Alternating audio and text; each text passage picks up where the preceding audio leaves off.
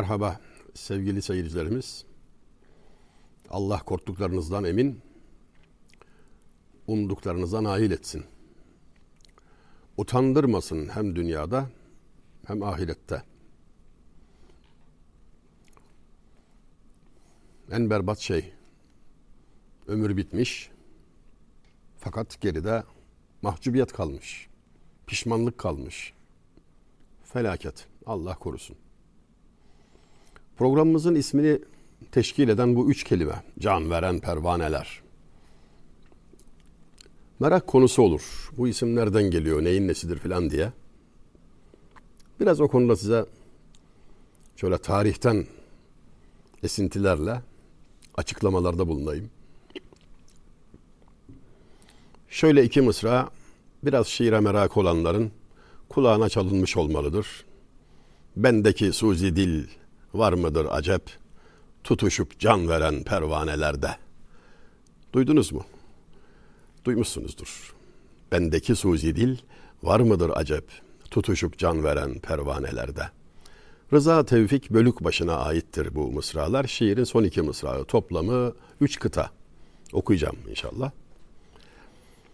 Rıza Tevfik Bölükbaşı, namı diğer filozof Rıza Tevfik, renkli bir sima, hece vezninde yazdığı şiirlerle edebiyatımızda cidden çok özel bir yer işgal eden harika bir şair. 1869 doğum yılı, 80 yıllık bir ömür ve 1949'da göçmüş. Renkli, sıkıntılı, çileli bir hayatı var. Osmanlı'da milletvekili, yine Osmanlı'da Milli Eğitim Bakanı, sporcu, jimnastik sporuyla ilk ilgilenen kişi olarak biliniyor. Selim Sırrı Tarcan'ın yakın dostu ki o Selim Sırrı Tarcan Olimpiyat Komitesi'nin başkanı, Türkiye'nin olimpiyatlara katılmasının mimarı olan önemli spor adamı.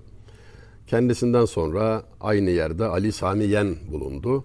Gördüğünüz gibi e, Türk futbol e, hayatının en önemli isimleriyle böyle bir yakınlığı var. Selim Sırrı Tarcan ile Filozof Rıza Tevfik birlikte epey ateşli nutukların sahipleri, birbirlerine yardımcı olmuşlar ve ikinci meşrutiyetin ilanı sırasında, öncesinde e, ateşli konuşmalarla kamuoyunda önemli yer işgal etmişler. Sıkı bir Abdülhamit muhalifi e, Rıza Tevfik Bölükbaşı.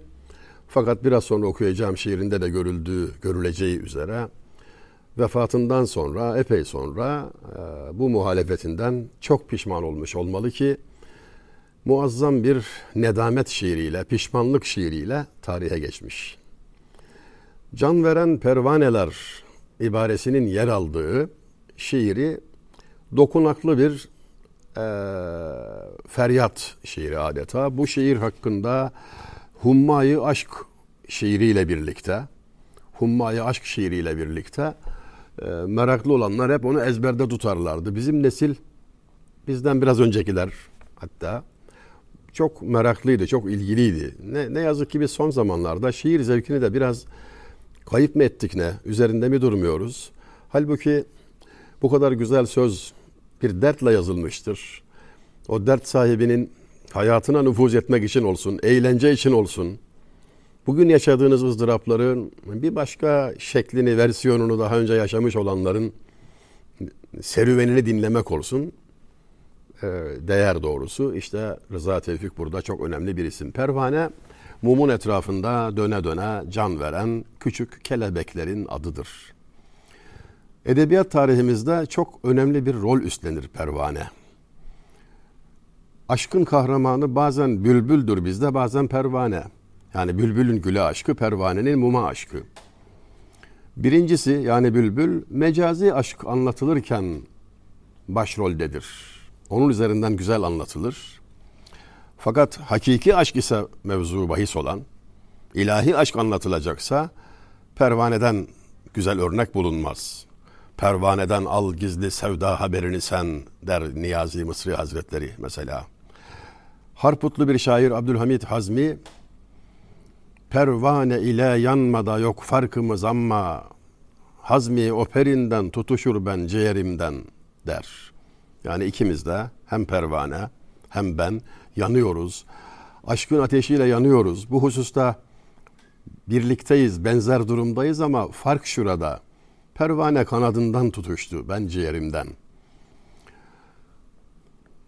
Hikaye şudur. Mum aşkı temsil eder, maşuku temsil eder. Onun etrafında zavallı aşık pervane döne döne döne bazen yaklaşır, aşkının tesirine mağlup olur, kendini alamaz, yaklaşır, kanadıyla ateşi bir yoklar, yanar, duyduğu ızdırap, Arapça azap dediğimiz, azap kelimesinin de hem lezzet hem acı manası vardır Arapça kökeninde.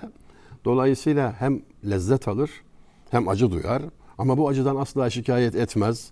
Yakışmaz şikayet etmek. Sonunda mağlup olur. Kendini ateşe atar ve sessiz sedasız can verir. İşte sev, pervaneden al gizli sevda haberini sen derken mesela Esrar de bu noktada bize şöyle bir yol gösterir. Davasını terk etsin, bülbül de feda yoktur. Bir nükteciyi aşkın pervanede kalmıştır. Bülbül aşk davasında bulunmaktan vazgeçsin, yaptığı ayıptır. Feryat ediyor sabahlara kadar. Ağlıyor, sızlıyor ama feda ettiği bir şey yok. Gevezelikten ibarettir yaptığı. Aşık geveze olmamalı. Baksın pervaneye utansın, can veriyor ama asla ses çıkarmıyor, şikayet etmiyor. Bununla birlikte pervanede bulunan da aşkın bütünü değil ondan küçücük bir numunedir, bir nükteciktir. Bir nükteci aşkın pervanede kalmıştır diye yol gösterir bize. O şiiri şudur. Rıza Tevfik'in Dün gece yeis ile kendimden geçtim. Teselli aradım meyhanelerde.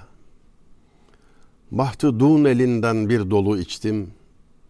O neşe kalmamış peymanelerde.'' Her neye dokunsam zahmı rikkat var. Her ne yana baksam derdi firkat var. Çalkanır ağlar bir ahı hasret var. Sularla çağlayan teranelerde. Bilmedim kim oldu bu hale sebep. Ağladım ümidim heba oldu hep. Bendeki suzi dil var mıdır acep? Tutuşup can veren pervanelerde. İsim babamızdır yani.'' Bendeki gönül yanışı acaba pervanede var mı? İddia büyüktür. Pervaneden öte yandım. Pervaneden ileri bir yanışın, bir hakiki aşkın kahramanıyım demeye gelir. Zaten aşıklar ne bülbüle, ne Mecnun'a, ne Ferhad'a ve hatta ne pervaneye pabuç bırakmazlar. Hepsine omuz atıp geçerler. Hakiki aşık biziz derler. Fuzuli de şöyle feryat etmez mi? Bende Mecnun'dan füzun aşıklık istidadı var. Aşıkı sadık menem Mecnun'un ancak adı var. İşte bu mısralarıyla edebiyat tarihine geçen, çok tanınan, sevilen şair Rıza Tevfik Bölükbaşı, bakın Abdülhamit Han merhumun vefatından sonra pişmanlık şiirini nasıl söylemiş. Neredesin Şevketlim Sultan Hamid Han? Feryadım varır mı bargahına? Ölüm uykusundan bir lahza uyan. Şu nankör milletin bak günahına. Tarihler adını andığı zaman sana hak verecek ey koca sultan. Bizdik utanmadan iftira atan asrın en siyasi padişahına. Padişah hem zalim hem deli dedik. İhtilale kıyam etmeli dedik.'' Şeytan ne dediyse biz beli dedik. Çalıştık fitnenin intibahına. Divane sen değil meğer bizmişiz. Bir çürük ipliğe hülya dizmişiz. Sade deli değil edepsizmişiz. Tükürdük atalar kıblegahına. Sonra cinsi bozuk ahlakı fena. Bir sürü türedi girdi meydana. Nereden çıktı bunca veled izina? Yuh olsun bunların hamervahına.'' Milliyet davası fıska büründü. Ridayı diyanet yerde süründü. Türk'ün ruhu zorla asi göründü. Hem peygamberine hem Allah'ına. Lakin sen sultanım gavs-ı ekbersin. Ahiretten bile himmet eylersin. Çok çekti şu millet murada ersin. Şefaat kıl şahım medet hahına. Böyle sızlanmış, böyle feryat etmiş. Tabi Bade Harabül Basra. Öyle derler. Basra harap olduktan sonra oldu olan. Ancak bu ikrar tarih önün ömrünü Abdülhamit merhuma muhalefetle geçiren, ona kan kusturarak bir ömür tüketen adam sonunda her şey bittikten sonra günün sonunda moda değişle yaptığının yanlış olduğuna kani oldu ve bunu da tarih önünde itiraf ediyorsa yabana atılmamak gerek. Bir başka şiirinde ki hummayı aşk diye anılır. Hastayım, yalnızım seni yanımda. Sanıp da bahtiyar ölmek isterim. Mahmure hülyanın camı lebinden kanıp da bahtiyar ölmek isterim. Talihin kahrı var her hevesimde. Boğulmuş figanlar titrer sesimde. O güzel ismini son nefesimde anıp da bahtiyar ölmek isterim. Bir olmaz emelin düştüm peşine, vuruldum hüsnünün şen güneşine, ela gözlerinin aşk ateşine, yanıp da bahtiyar ölmek isterim. Valla şiir de böyle olmalı herhalde. Yani aruz vezninin, aruzla yazılan şiirlerin en gür, en bol bulunduğu bir zamanda heceyi tercih ederek son derece başarılı örnekler vermiş ve hayli dokunaklı, içli hece şairlerinin ilklerindendir ve çok da başarılıdır. Boğulmuş figanlar titrer sesimde, o güzel ismini son nefesimde anıp da bahtiyar ölmek isterim diyen şaire ne demeli? Bir başka şiiri ruhumda gizli bir emel mi arar? Gözlerime bakıp dalan gözlerin. Aklıma gelmedik bilmece sorar. Beni hülyalara salan gözlerin. Gamzende zahir ey ömrümün varı. Füsuni hüsnünün bütün esrarı. Neşreder aleme rengi baharı. Koyu menekşeye çalan gözlerin. Nicahın gönlüme ey peri peyker.'' Leyali hasretin hüznünü döker. Karanlıklar gibi yığılır çöker. içimde yer edip kalan gözlerin. Huzurunda bazen benliğim erir. Tavrın hulusundan şüphe gösterir. Bazen de ne olmaz ümitler verir. Sabru kararımı alan gözlerin. Sihirdir şüphesiz bütün bu şeyler. Bakışın zihnimi perişan eyler.''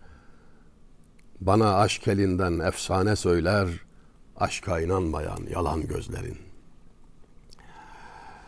Sevgili seyirciler, sadece bize nasıl isim babalığı etti, bu ismi nereden ilhamla koyduk, dan yola çıkarak Tevfik Bölükbaşı'nın, Rıza Tevfik Bölükbaşı'nın birkaç şiirine temas etmişken bir şiirini daha okuyup sözü bağlamak istiyorum.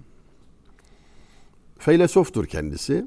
Filoz, felsefeye düşkünlüğünden e, bu sahada şöhreti çok yaygındır. Epey meraklıymış yani öyle öyle böyle değil. Bu isimle anılmış. Filozof veya feylesof Rıza Tevfik diye anılmış. Gurbet acısı çekti uzun yıllar. Sürgün hayatı yaşadı. Oradayken vatan hasretiyle şöyle bir şiiri var. Uçun kuşlar uçun doğduğum yere. Şimdi dağlarında mor sümbül vardır. Ormanlar koynunda serin bir dere, dikenler içinde sarı gül vardır. O çay ağır akar yorgun mu bilmem, mehtabı hasta mı solgun mu bilmem. Yaslı gelin gibi mahzun mu bilmem, yüce dağ başında siyah tül vardır.'' Orada geçti benim güzel günlerim.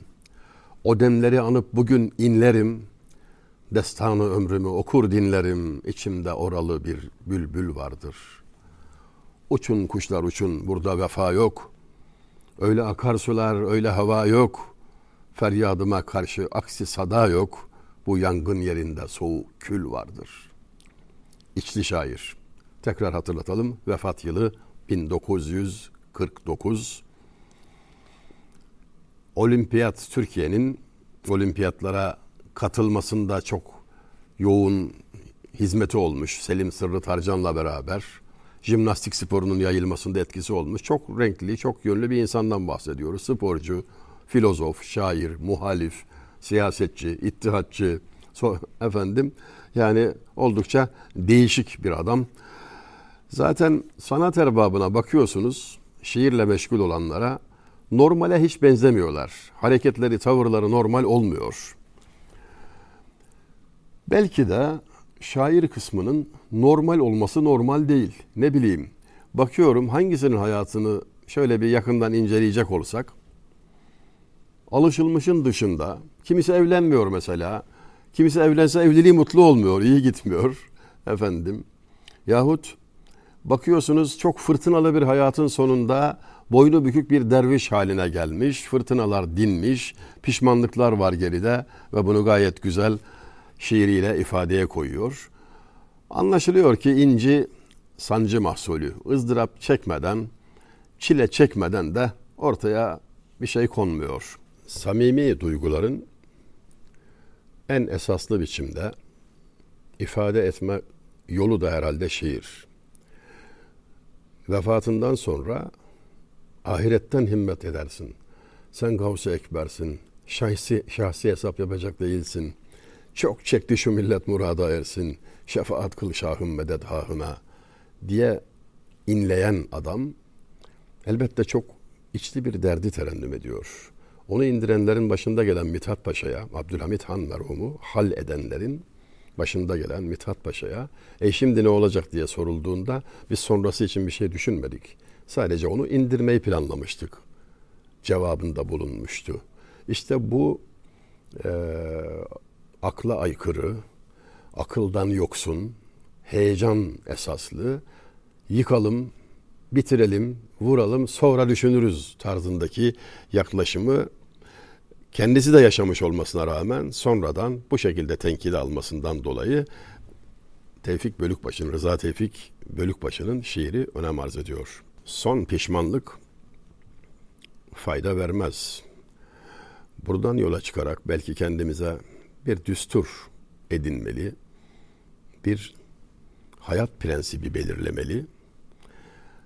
İleride pişman olup da feryat etmektense şimdi makul olabilmeyi kendi hayatımız hesabına olur rüsvayı subhi mahşer ol kim şamı gaflette bu bağın gül sanıp harı mugaylanını devşirmiş diyen şair Naili'yi hatırlayarak ne kadar güzel söylemiş, ne kadar vurucu söylemiş merhum üstad.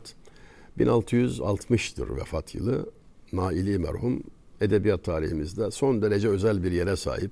Yahya Kemal ondan bahsederken bir şiirinde böyle beş beyti bu güyende redif hüzre kemal naili söylese bir alemi mana söyler diyor. Yani öyle bir söyledim ki diyor yani bunun gibi söylese söylese naili söylerdi diyor. O da merhum diyor yani hem kendi e, şairliğini övmeye benzeyen bir eda hem de çok haklı bir biçimde onun tarzı üzere yazdığını, ona benzer şekilde yazdığını, aynı yolun yolcusu olduklarını e, anlatan beytinde Naili merhum okuduğum beytte şunu diyordu.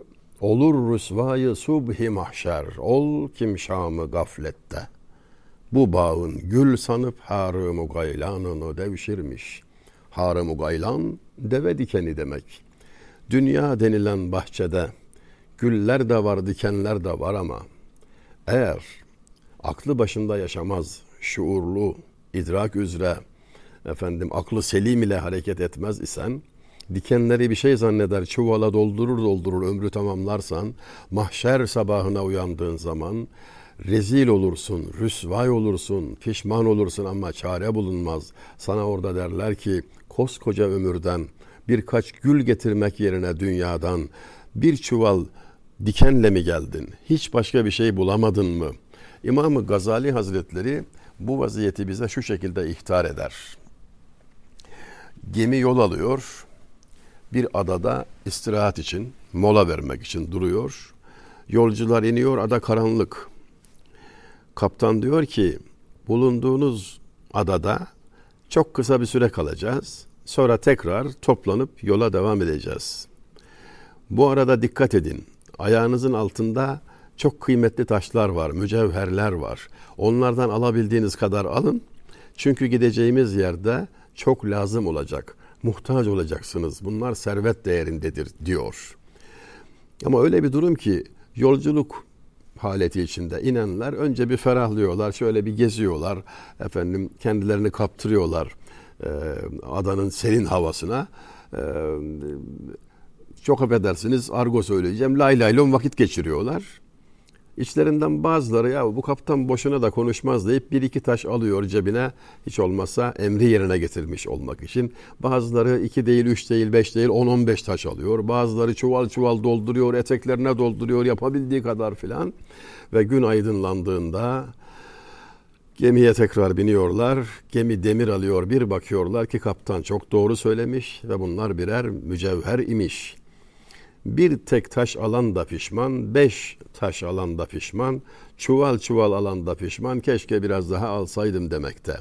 Bu verilen misalde diyor İmam Gazali Hazretleri, ada dünyadır. Yolculuk ahiret yolculuğudur. Varılacak yer mahşer pazarıdır. Dünyada bulunduğun müddet içerisinde lezzetlere kendini kaptırmaz da burada ticaretini yaparsan çok memnun, mesrur olursun, sevinirsin. Kendine yatırım yap. Çünkü ebedi hayata gidiyorsun. Gittiğin yerde burada devşireceklerin, toplayacakların son derece önemli. Yarınki pişmanlığın hiç faydası olmaz diyor.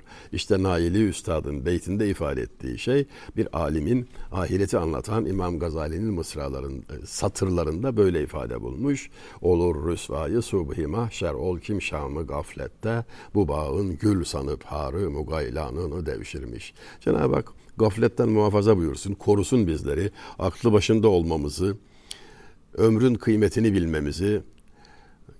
Çünkü zamandan başka sermayemiz yok. Tek elimizde bu imkan var. Dünya hayatı dediğiniz kendisini sevdiğiniz zaman helak eden ve asla övülmeyen yani kelime bile alçak demek zaten. Dünya yudun, alçak dünya efendim. Ama alçak olan, övülmeyen, sevilmeyen, değer verilmeyen bu dünya aynı zamanda kıymetli olan ahiret hayatını kazanmanın da tek imkanı, tek sahasıdır. Ya burada kazanılır ya da başka imkan yoktur. Dünyada çalışmak var, karşılık yok. Ahirette karşılık var, çalışmak yok. İşte içinde bulunduğumuz hayatın ne olduğunu şairlerimizin işaretleriyle dolaylı da olsa onların verdikleri işaretlerle bir daha hatırlamakta fayda var. Beş şey gelmeden önce beş şeyin kıymetini bilin. Malum hadisi şerifte bize işaret verilmiştir. Hastalık gelmeden sıhhatin, yaşlılık gelmeden gençliğin, fakirlik gelmeden zenginliğin, meşguliyet gelip çatmadan boş vaktin ve ölüm gelmeden hayatın. Zira yine bir başka büyük şairimizin hayali beyin ifadesiyle o mahiler ki derya içredir deryayı bilmezler. O balıklar ki denizdedirler ve denizin kıymetini bilmezler. Denizin kıymetini gerçek manada anladığı zaman balık artık oltaya yakalanmış sahilde kuyruk çırpmaktadır ve fakat bunun hiçbir faydası yoktur. Elde var pişmanlık, elde var hüsran. Cenab-ı Hak böyle olmaktan bizi korusun.